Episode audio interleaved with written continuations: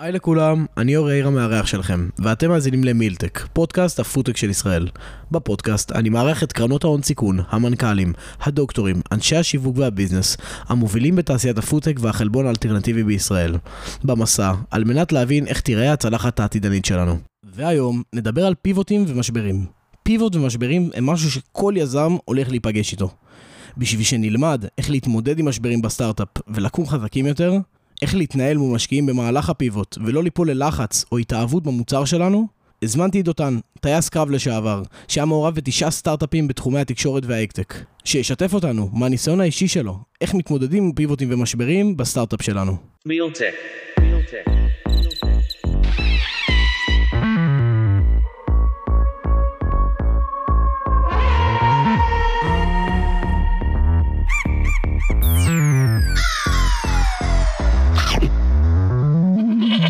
טוב, אז אני נשמח שתציג את עצמך, אה, מה אתה עושה היום, טיפה על העבר שלך, ונתחיל לצלול ל- למה שהתכנסנו לדבר היום. אה, בשמחה, אבל אולי אה, לפני כן אתה רוצה רגע לשתף את המאזינים איפה אנחנו נמצאים קצת, אה, מה, מה, המפגש הזה קצת שונה ממה שפגשת עד עכשיו? זהו, אנחנו יושבים בחדר אה, הקלטות עם... אה, שיש גיטרות, שזה איזשהו חלום שנותן לי drive להמשיך לעשות את הפודקאסט, כשאולי יום אחד יהיה לי כסף. גם לארגן לעצמי חדר כזה. ויושבים במרתף, אווירה קצת רומנטית עם אור חלש, ו... כן, אז uh, אני שמח שאתה מעלה את זה, כי, כי אני ראיתי את העיניים שלך ככה נדלקות כשנכנסת לחדר הזה. זה באמת חדר מיוחד, זה... אנחנו יושבים פה אצלנו בבית, ברחוב טבעון.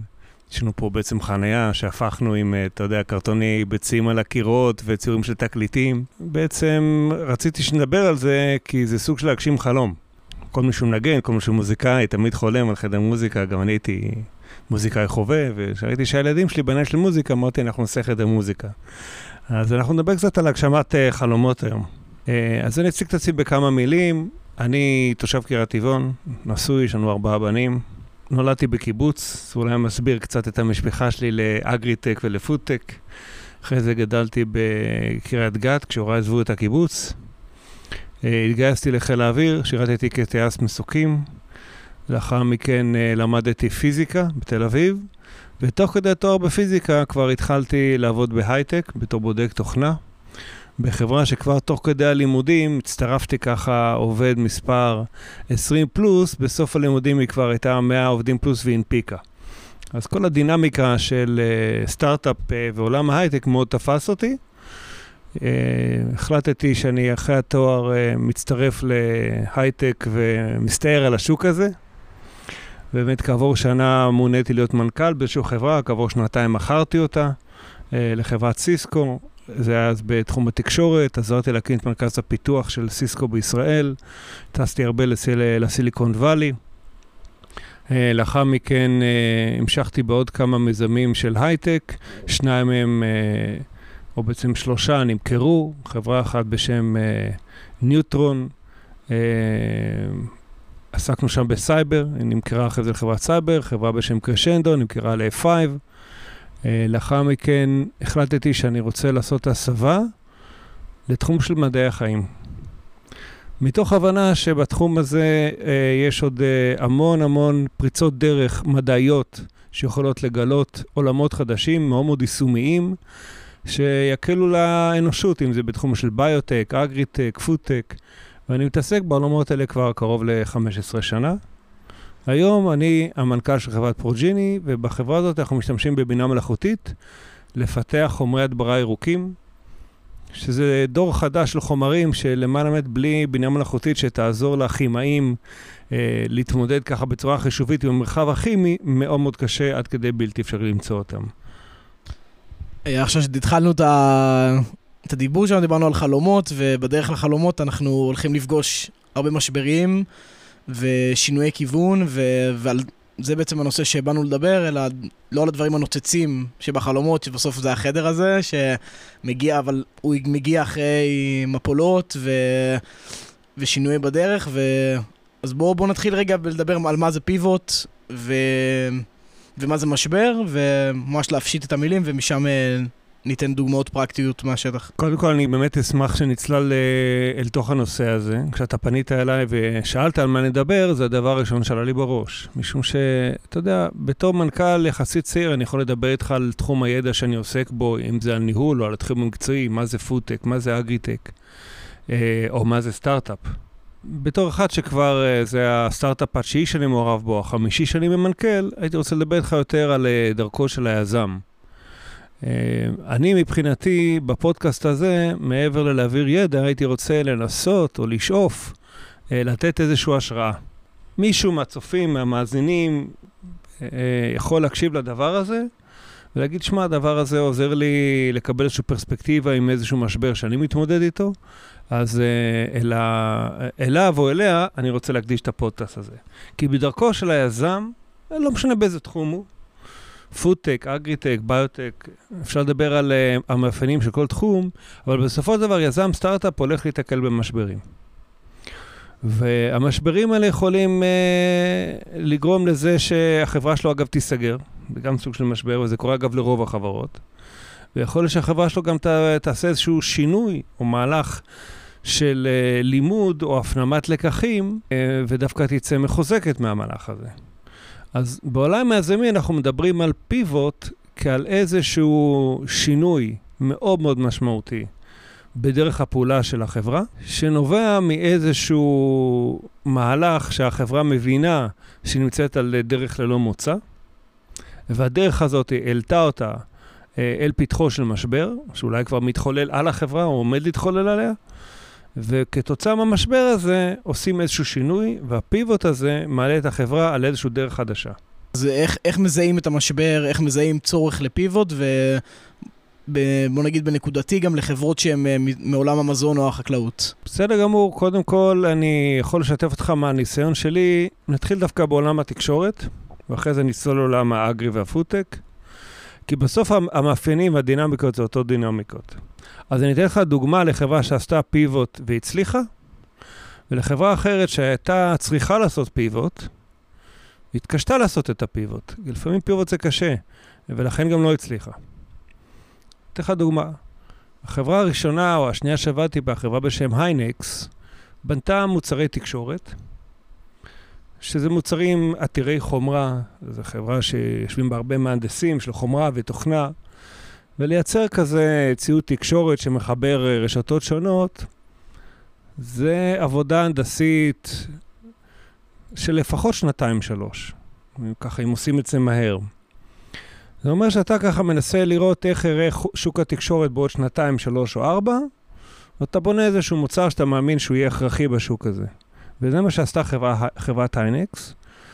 כשהיא הגיעה לשוק, היא גילתה שהיא, לא רק שהיא לא היחידה, היא גם לא הראשונה, היא גם לא השנייה, היא גם לא השלישית. זאת אומרת, יש כבר בערך עשר חברות שפיתחו מוצרי תקשורת באופן ספציפי לאותו שוק שהיינקס כיוונה אליה.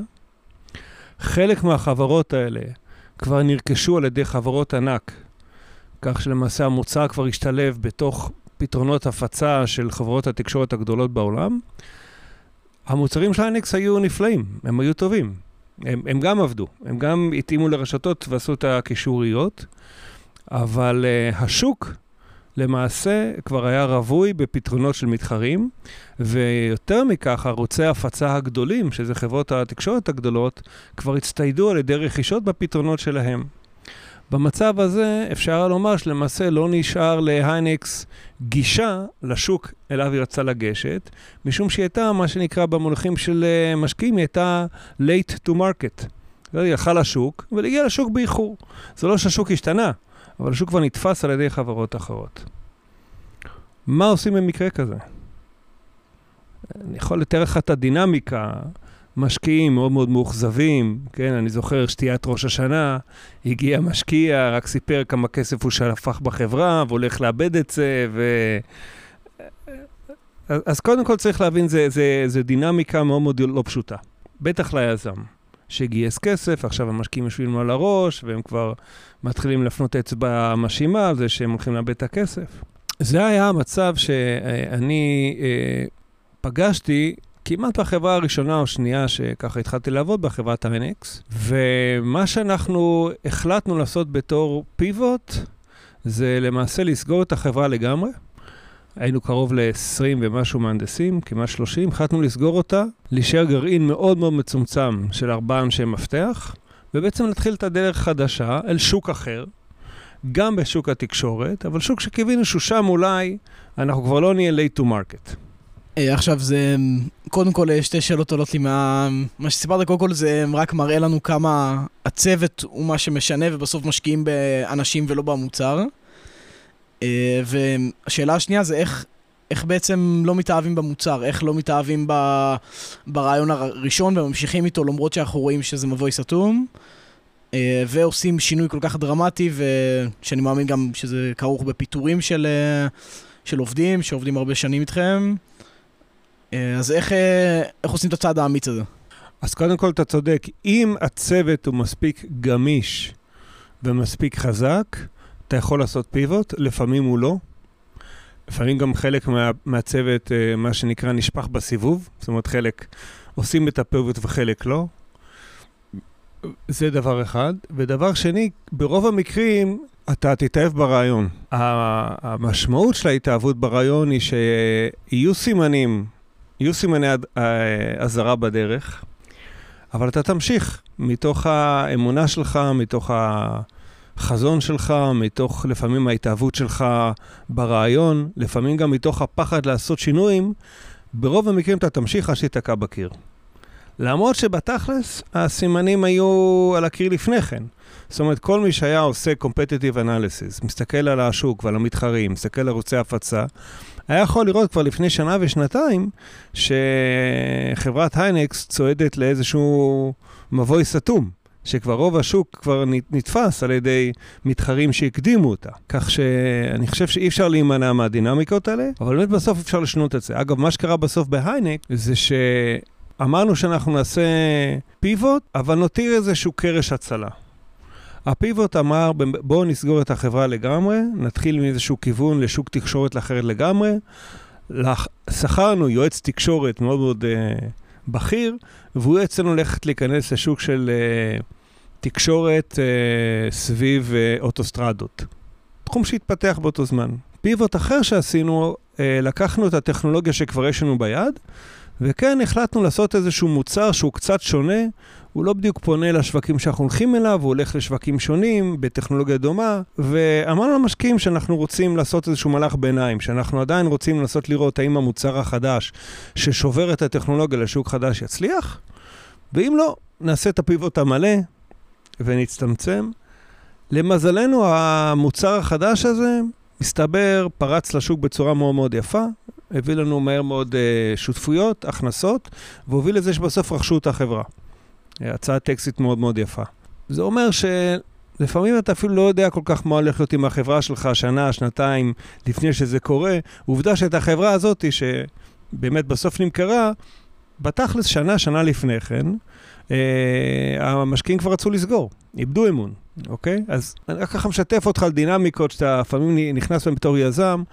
אני חושב שמה שהייתי לומד מהדבר הזה, שקודם כל, יש סימני אזהרה שאתה צריך לדעת לקרוא לאורך הזמן, ויש אה, איזשהו רגע שבו אתה חייב לפעול בצורה מאוד מאוד החלטית. גם אם אתה לא מבין לאן זה לוקח אותך, אתה חייב לתמרן את עצמך החוצה מתוך המבוי הסתום. וקח בחשבון שאם יש לך צוות טוב, אז הצוות שלך ימשיך איתך, גם אם לא כולם. זה ככה אני יכול לספר לך על, על הפיבוט הראשון שהייתי בו.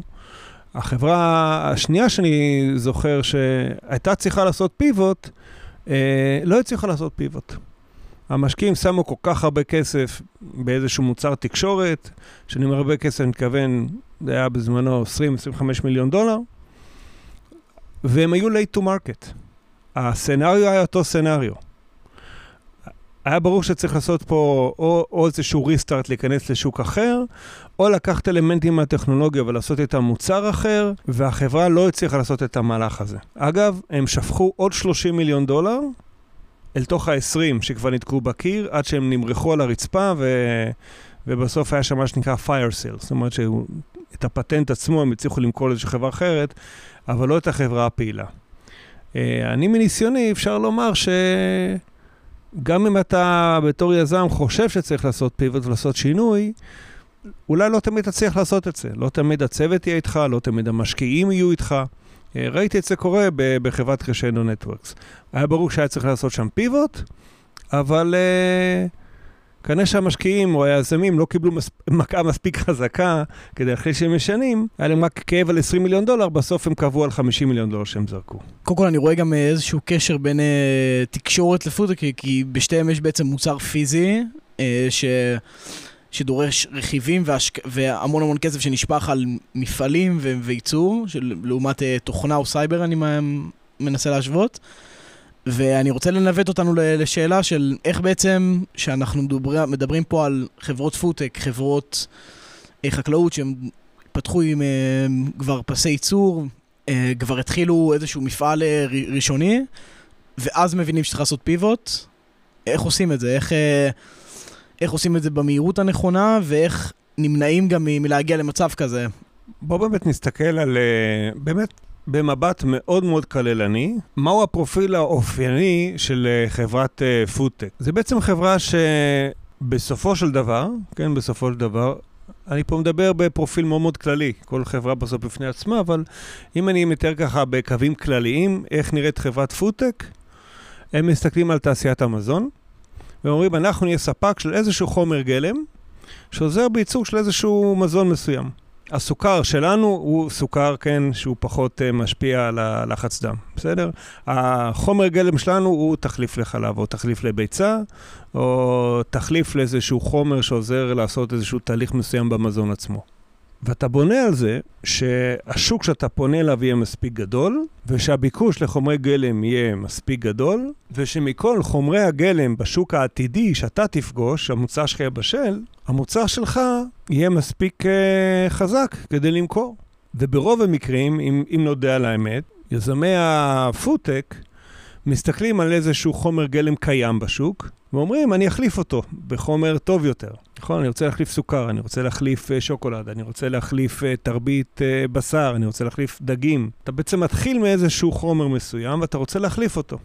אני חושב שכבר במצב הזה אפשר רגע להסתכל על התהליך ולנסות ביחד לראות איפה, איפה יכולים להיות המכשולים שאפשר לראות מראש, אוקיי? לדוגמה, אתה תגיע לשוק העתידי ואתה תראה שיש לך אגב את המוצר שרצית, כן?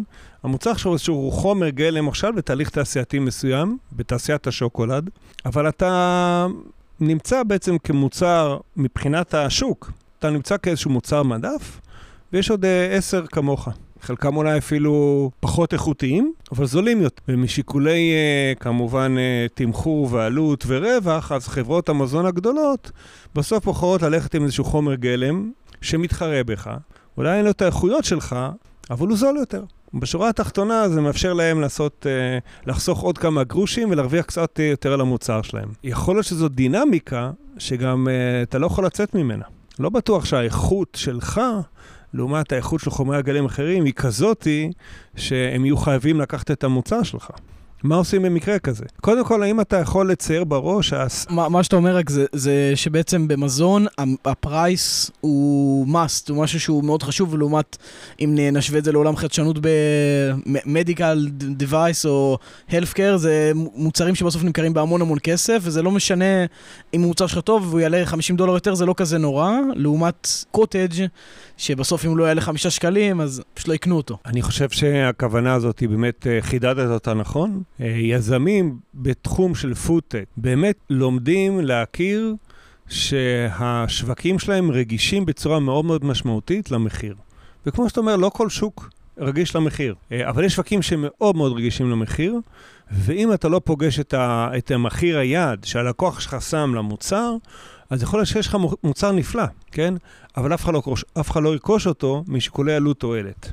אז uh, התחלנו מבעצם הפיבוטים, בעצם הדברים שאנחנו יכולים לצפות, משברים שאנחנו יכולים לצפות, זה משבר המחיר, שאנחנו חייבים מתחילת בניית החברה להבין מה מחיר הקצה שאנחנו מכוונים אליו, והאם זה מחיר שהוא תחרותי בשוק. אה, לעומת כנראה מוצר הקיים, בעצם חומר הגלם שהם מנסים להחליף, אה, ומשם לאיזה עוד משברים אתה, אתה יכול אה, לדמיין. כן, בוא ניקח עוד מקרה. בוא נניח שצלחת את הדרך. בוא נניח שהמוצר שלך הוא שייך לקטגוריית חומרי הגלם היותר יקרים, כזאת שתעשיית המזון יכולה להרשות לעצמה לרכוש את המוצר הזה, גם אם הוא ייצר בתהליך ייצור שהוא לא הכי יעיל כמו פרמנטציה. כל מיני מוצרי פרימיום, כמו סטייק, נתח סטייק מאוד מאוד, אה, לדוגמה בשר מתורבת, שייכנס כמו נתחי סטייק אה, פרימיום. כן, בוא נניח באמת שאתה חושב שאתה, המוצר שלך יהיה מוצר פרימיום. ואז אולי באמת תוכל להתגבר על הקושי האינהרנטי של עלות הייצור שלך שהיא לא מספיק אופטימלית. אה, אבל אתה הולך לשוק הפרימיום, אז ייקחו אותך. אתה הולך לשוק, ופתאום אתה מגלה שהשוק הוא מונופוליסטי. הלכת לשוק השוקולד, לדוגמה, בסדר? פתאום גילית ש... נכון, כשאתה הולך לחנות, אז יש לך עשרות אם לא מאות uh, סוגים של שוקולד, אבל בסוף אתה מגלה שיש איזה שלוש-ארבע חברות ששולטות בכל הייצור העולמי של שוקולד, רובם אגב בשוויץ, ואז אתה מגלה שלארבעתן כבר יש איזשהו ספק שתפר להם את הפינה. או איזה חברה אחת אמרה לך, אתה יודע מה, אור, בוא אני אלך איתך. מתאים לי עכשיו החומר שלך, בוא נעשה פיילוט, זה, זה מוצר פרימיום, חיכינו לזה, אתה עובד איתם שנה, אתה עובד איתם שנתיים, אתם מייצרים כמה אצוות, ופתאום אומרים לך, תשמע, אנחנו מפסיקים להזמין לך את המוצר. אתה מבין, אתה לא מבין מה קורה, יש לך מוצר, עברת פיילוט, עברת כבר את האינטגרציה עם קו הייצור שלהם, התחלת כבר לעבוד על רגולציה. אתה לא מבין מה קורה, אתה הולך לברר, פתאום אתה מגלה שהם, תוך כדי שהם עבדו איתך, הם עשו גם פרויקט פנימי ופיתחו מוצר מתחרה בך. או שבא איזשהו מתחרה ועקף אותך בסיבוב, הציע להם משהו אחר, זול יותר, ו... או שהם קנו אותו ועכשיו הם עובדים איתו.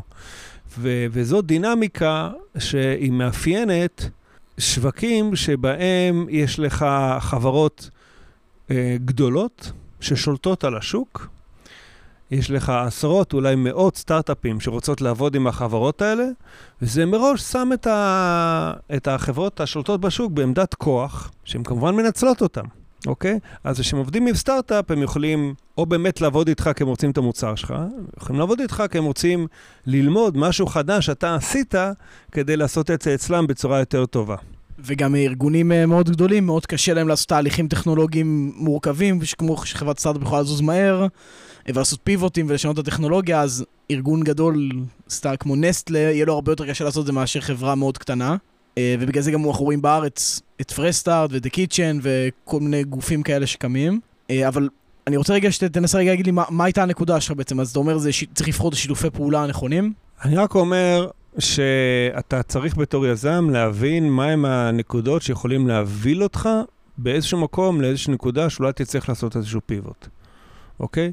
אז דיברנו, אה, האם אתה באמת מודע איך יראה השוק התחרותי? האם אתה באמת יודע איך תפגוש את, ה, את, את המחיר בשוק התחרותי? בחירת השותף המתאים, האם בחרת אותו בצורה מתאימה? גם אם בחרת אותו והצליח, קח בחשבון שזה יכול להשתנות. אני אתן לך דוגמה ממש אקטואלית, אני בכוונה בחרתי לדבר על פיבוט ועל משברים. היום בפרוג'יני אני יכול להגיד לך שאני מתמודד עם השאלה הזאת. אני חושב שהניסיון שלי קצת עזר לי לצפות את הסיטואציה מראש, זה לא עושה אותה ליותר קלה, אבל השותף האסטרטגי שהתחלנו לעבוד איתו על פרויקט מאוד מאוד גדול של פיתוח חומרי הדברה באמצעות בינה מלאכותית, לנו בפרוג'יני יש בינה מלאכותית, ואנחנו יכולים להשתמש בה ל- ליישם כימיה חישובית בתחומים של מציאת חומרי הדברה. יצאנו לדרך עם uh, חברת בייר, או עם חטיבת הגנת הצומח של חברת בייר, שהיא גם חברת תרופות, ועל פניו זה נשמע כמו השותף האסטרטגי האולטימטיבי לגדול איתו. עד שאתה מבין שבעצם גם חטיבת הגנת הצומח של בייר בכלל עסוקה ב... בעסקים אה, בעייתיים שנבעו מזה שהיא רכשה את חברת מונסנטו, ומעבר לזה שהם עובדים מפרוג'יני, הם, הם עובדים כמעט עם כל סטארט-אפ בתחום, ובחלק מהסטארט-אפים הם גם השקיעו יותר. ואתה גם מבין שיש להם גם מו"פ פנימי. הדבר הזה כסיטואציה כבר אומרת שאתה נמצא באיזשהו סיכון, אוקיי? אז לדוגמה, בתור uh, המנכ"ל, כשנכנסתי לסיטואציה הזאת, היה לי ברור שאני לא יכול לשים את כל הקלפים שלי על בייר. זה יכול להיות קלף נהדר. כן, שותף טוב כזה, גדול, יכול אה, לעזור לך לגדול, יכול אפילו לרכוש אותך, ואז כולם יהיו מבסוטים. יכול להיות גם שלא.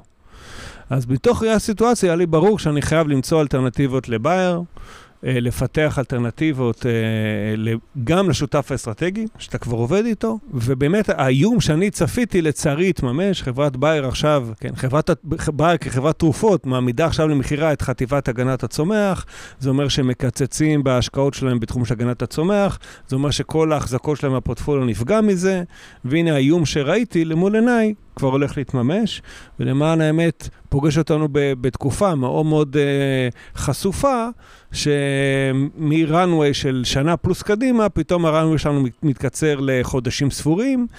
אנחנו צריכים לגייס כסף וגם לגייס תמיכה של חברות אחרות שהן לא בייר. בקיצור, מצב מאוד מאוד מורכב. למזלי, כבר הייתי במצבים שבהם ראיתי שלפעמים מאז יוצא מתוק, ודווקא בתהליכים כאלה, אם אתה כן לוקח את ההחלטות הנכונות ורץ איתם קדימה ועושה את הפיבוט שאתה צריך, אה, יכול להיות שאתה מלך את החברה על דרך חדשה, אז אני עכשיו מבצע איזשהו סוג של פיבוט. זהו, אז אני קודם כל חושב שזה לעשות שינוי כזה ולהגיד לא לחברת ענק שרוצה, שבעצם היא ה-early adapters שלך, כי הם בעצם החבר'ה שהכי הכי ירצו את המוצר שלך ויש להם את היכולת לעשות אותו uh, worldwide, ו... אז זה דורש המון המון כנות והבנה של סיטואציה הרבה יותר גדולה בשביל באמת להיות אמיץ ולהגיד לא, מהעיניים שלי. אה, וכן, אני רוצה רגע לקחת את זה לכיוון של אה, להבין מה ההבדל בין חברת תוכנה שרוצה לעשות פיבוט, שבסוף הם מעלים תוכנה לענן ויכולים להפיץ את זה למיליונים, לעומת חברת מזון או חברת אה, חקלאות שכבר יש מפעל קיים, יש מוצר פיזי, איך עושים פיבוט בסיטואציה כזאת? תראה, לפעמים הפיבוט יכול להיות שינוי מאוד משמעותי בכיוון החברה בטכנולוגיה. ולפעמים זה לא פיבוט, זה פשוט שינוי במודל העסקי ומיקומך בשרשרת הערך. אני אתן לך דוגמה, אה, או, או, אני, אני, או אני אשיב לדוגמה שאתה נתת. בסדר? נתת דוגמה של חברה שיש לה איזשהו מוצר, יש לה איזשהו מפעל, והיא מייצרת אותו. אז אני אשאל שאלה, המפעל הוא הכרחי? זאת אומרת, אני מניח שהמפעל עצמו, תלוי באיזה שלב, אז אנחנו ניקח סתם דוגמה, בואו אני אפילו ניתן איזה, לא, לא ננקוט שמות, אבל uh, חברת uh, שמייצרת איזשהו plant based חדש, uh, גייסו כבר A, רוצים להתחיל uh, לעשות uh, ייצור ראשוני uh, ומכירה ראשונה, uh, כי הם חתמו על איזה הסכם עם uh, כמה מסעדות בצרפת, לדוגמה, שיש טרנד חדש שהוא לא קשור ל plant based, והם מבינים שהם יכולים לעלות למקום חדש, ואז הם צריכים בעצם לסגור את המפעל. תראה, אני, אני אשאל שאלה אחרת ואני, ואני אחדד אותה, בסדר? בוא רגע שים לעצמך את הכובע של היזם. בוא נניח שיש לך באמת איזשהו חומר גלם חדשני שהוא plant based. יש לך כרגע איזשהו פטנט על איזשהו protein מסוים, או שמצאת, או שחקרת, או שקיבלת את זה באיזשהו tech transfer מאיזשהו מעבדת מחקר. זה בעצם המהות החדשנות שלך, כן? להפוך את החדשנות הזאת למוצר אתה עכשיו מגייס כסף ומקים מפעל, אבל בסוף, מה, מה יהיה במפעל? חוץ מפועלי ייצור, מקו ייצור, יש שם מכונות ייצור שאתה תקנה, נניח פרמנטורים, לצורך העניין, כדי לייצר את זה. ושים לב, אין פה שום דבר חדשני. אתה לא באמת יצרת פה את תהליך הפרמנטציה, לא, זה לא שאתה, החדשנות שלך לא קשורה לתהליך הייצור עצמו, נכון? הכשרות עצמה הייתה קצורה לפני תהליך הייצור, ועכשיו אתה מיישם תהליך ייצור סטנדרטי כדי לייצר את מה שאתה רוצה לייצר. זה עכשיו מכניס אותך להשקעות בכל מיני תשתיות, אגב, מאוד מאוד יקרות, שמרחיקות אותך קצת מהיצרנות שלך, אבל אתה אומר, אני חייב לעשות את זה כדי להיכנס לשוק. יש לך מין פרספציה שאומר, אני חייב לבוא עם המוצר המוגמר, אה, אבל יכול להיות שלא. זאת אומרת, יכול להיות שאתה מבין שמה שצריך לעשות עכשיו, זה ללכת למישהו אחר, גדול יותר, שכבר יש לו מפעל, ואולי אתה פחות אוהב את זה, כי אולי אתה מקבל על זה פחות כסף, כי הוא כבר לא משלם לך על המוצר המוגמר, אלא אולי, אולי משלם לך על, ה, על הזכות להשתמש בפטנט שלך כדי לייצר את המוצר המוגדר בעצמו, אבל יכול להיות שכרגע אולי עבורך, זה לא רק המודל העסקי ההכרחי, אלא זה מודל העסקי אולי היחיד שאתה בכלל יכול לשרוד בו. כי אם אתה עכשיו תלך ואתה תשקיע במפעל והכל, אתה תמצא את עצמך למעשה אה, עם לקוח שגם לא יתחייב לך לרכוש, אחרי שעשית את ההשקעות בכל המפעל. אולי זה בעצם גם משהו הכרחי להגיד ל- ליזמי פודטק של אתם חייבים שותף חזק מתחילת הדרך, בשביל היכולת לעשות את הפיבוטים הנכונים. קודם כל, אני, אני מאחל ליזם שלא יצטרך לעשות פיבוט, שהכל ילך לו חלק, בסדר? אבל זה נכון שבאמת, אה, ודיברנו על זה מראש, ונחזור לזה, אם אתה נמצא בתחום של פודטק, אז כנראה שבסוף אתה תמכור את המוצר שלך לאיזשהו תאגיד גלובלי מאוד מאוד גדול בשוק, אה, אם לא מונופוליסטי, לפחות אוליגופוליסטי. בסדר? זה אומר שרק הנקודה הזאת הולכת להכתיב את המודל העסקי שלך ומה אתה צריך להתמקד עליו. ולא תמיד קל להשיג את זה. זאת אומרת, עצם העובדה שאתה, שאתה חושב שאתה תמצא את עצמך עם המוצר הנכון, בעלות הנכונה, עדיין, לדוגמה, לא אבטיח לך שהשותף באמת ילך איתך. וגם אם השותף ילך איתך את הצעדים הראשונים, לא בטוח שהוא ילך איתך כל הדרך. זה איזשהו, בעיניי, איזשהו built-in uh, risk factor מאוד גדול בכל תעשיית הפודטק. אם תפגש לדוגמה משקיעים שמשקיעים היום בתוכנה, הם אומרים לך, אנחנו בכלל מהסיבה הזאת לא רוצים להשקיע בתוכנה שהיא B2B. תן לנו מודל שהוא B2C, אני רוצה לראות משהו שאני מגיע בעצמי לשוק, בלי רגולציה, בלי שותפות אסטרטגיות, אני מייצר הכנסות ויש לי את הכלים שלי לעשות scale. זה כמובן מודל הרבה יותר טוב לעשות כסף. המודל של באמת למכור B2B, ועוד להיכנס בשלב מאוד מאוד מוקדם של B2B, כמו למכור חומר גלם, אה, אל מול ספקים אחרים של אה, אה, חומרי גלם, זה לא פשוט, זה לא פשוט. טוב, זה לסיכום, קודם כל תודה רבה שהגעת, והיה מאוד מעניין ואינפורמטיבי, ומרגישים ככה את הניסיון ש... ואת ה... כשאתה מדבר על פיבוט ומשברים, ואני רואה שעל הפנים שלך שכבר ח... באמת חווית את זה, ולא... אתה לא מדבר ככה באוויר על זה. ובוא נגיד, בוא נסיים עם איזו השראה שלך ל... ליזמים, ומסר שהיית רוצה להעביר ליזם שכרגע נמצא ב... לקראת ה... שהוא כבר נמצא במשבר והוא לקראת הפיבוט, ואיך להתמודד אה, נפשית ועם הצוות אה, בסיטואציה. שאלה מצוינת. זה באמת uh, משבר שהוא לא רק משבר עסקי לחברה, יש פה באמת משבר נפשי, יש פה עומס מאוד נפשי על היזם. הסיטואציה, הסיטואציה בדרך כלל גם מלווה כבר במתחים מאוד מאוד גדולים בין אנשי הצוות, בין הצוות לבין היזמים, ב, בין היזמים לבין עצמם, בין היזמים לבין המשקיעים. בדרך כלל אם אתה כבר נמצא בפיבוט, כנראה שכבר הגעת לסיטואציה שהעומס הרגשי שם מאוד מאוד גדול. אז העצה שלי היא... קודם כל, אה, להבין שזה לא כישלון, זה יכולה להיות הזדמנות. כדי להפוך את זה מכישלון להזדמנות, צריך uh, פשוט להסתכל על המפה, לקרוא אותה ולחשב מסלול מחדש. ו... ולפעמים אין מה לעשות, זאת האחריות עכשיו שלך כיזם. אתה חייב עכשיו, מה שנקרא, להתעורר, להבין שזאת המציאות שלך, לקרוא את המפה, וברגע שאתה מחשב מסלול מחדש, תלך לשם. יכול להיות שאתה תרתום לשם חלק מהיזמים שילכו איתך וחלק חלק, אה, לא, יעזבו, אה, לא ימשיכו איתך, זה גם בסדר. יכול להיות שהצוות נדרש או הצוות צריך לעשות שינוי, זה גם בסדר. יכול להיות שחלק מהמשקיעים ימשיכו איתך וחלק ייפלו בדרך, זה גם בסדר, אוקיי? קח בחשבון שכל עוד אתה רואה את הדרך החוצה מכאן, אז, אה, אז תלך עליה. תקיף את עצמך באנשים שכמוך מאמינים בדרך החדשה, שיכולים גם לחזק אותך. תמצא גם את הרשת שתחזק אותך, זה יכול להיות אנשים מחוץ לחברה, או יועצים, או סתם חברים, או סתם תלך לחוף הים וככה תתרענן.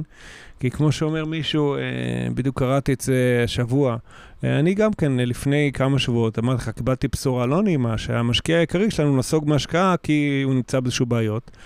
אז יכולים, בתקופה הזאת אתה, בתור מנכ"ל, אתה ישן כמו תינוק. הכוונה, אתה מתעורר כל שעתיים ובוכה.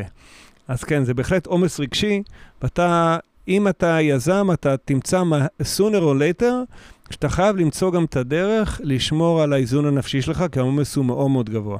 טוב, תודה רבה. אה, תודה רבה שהתארחת, ובהצלחה בפיבוט שלכם.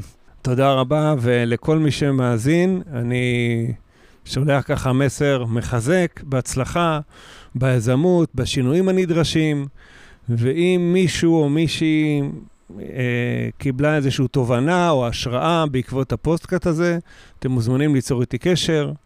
דותן פלג בלינקדאין, הכי פשוט.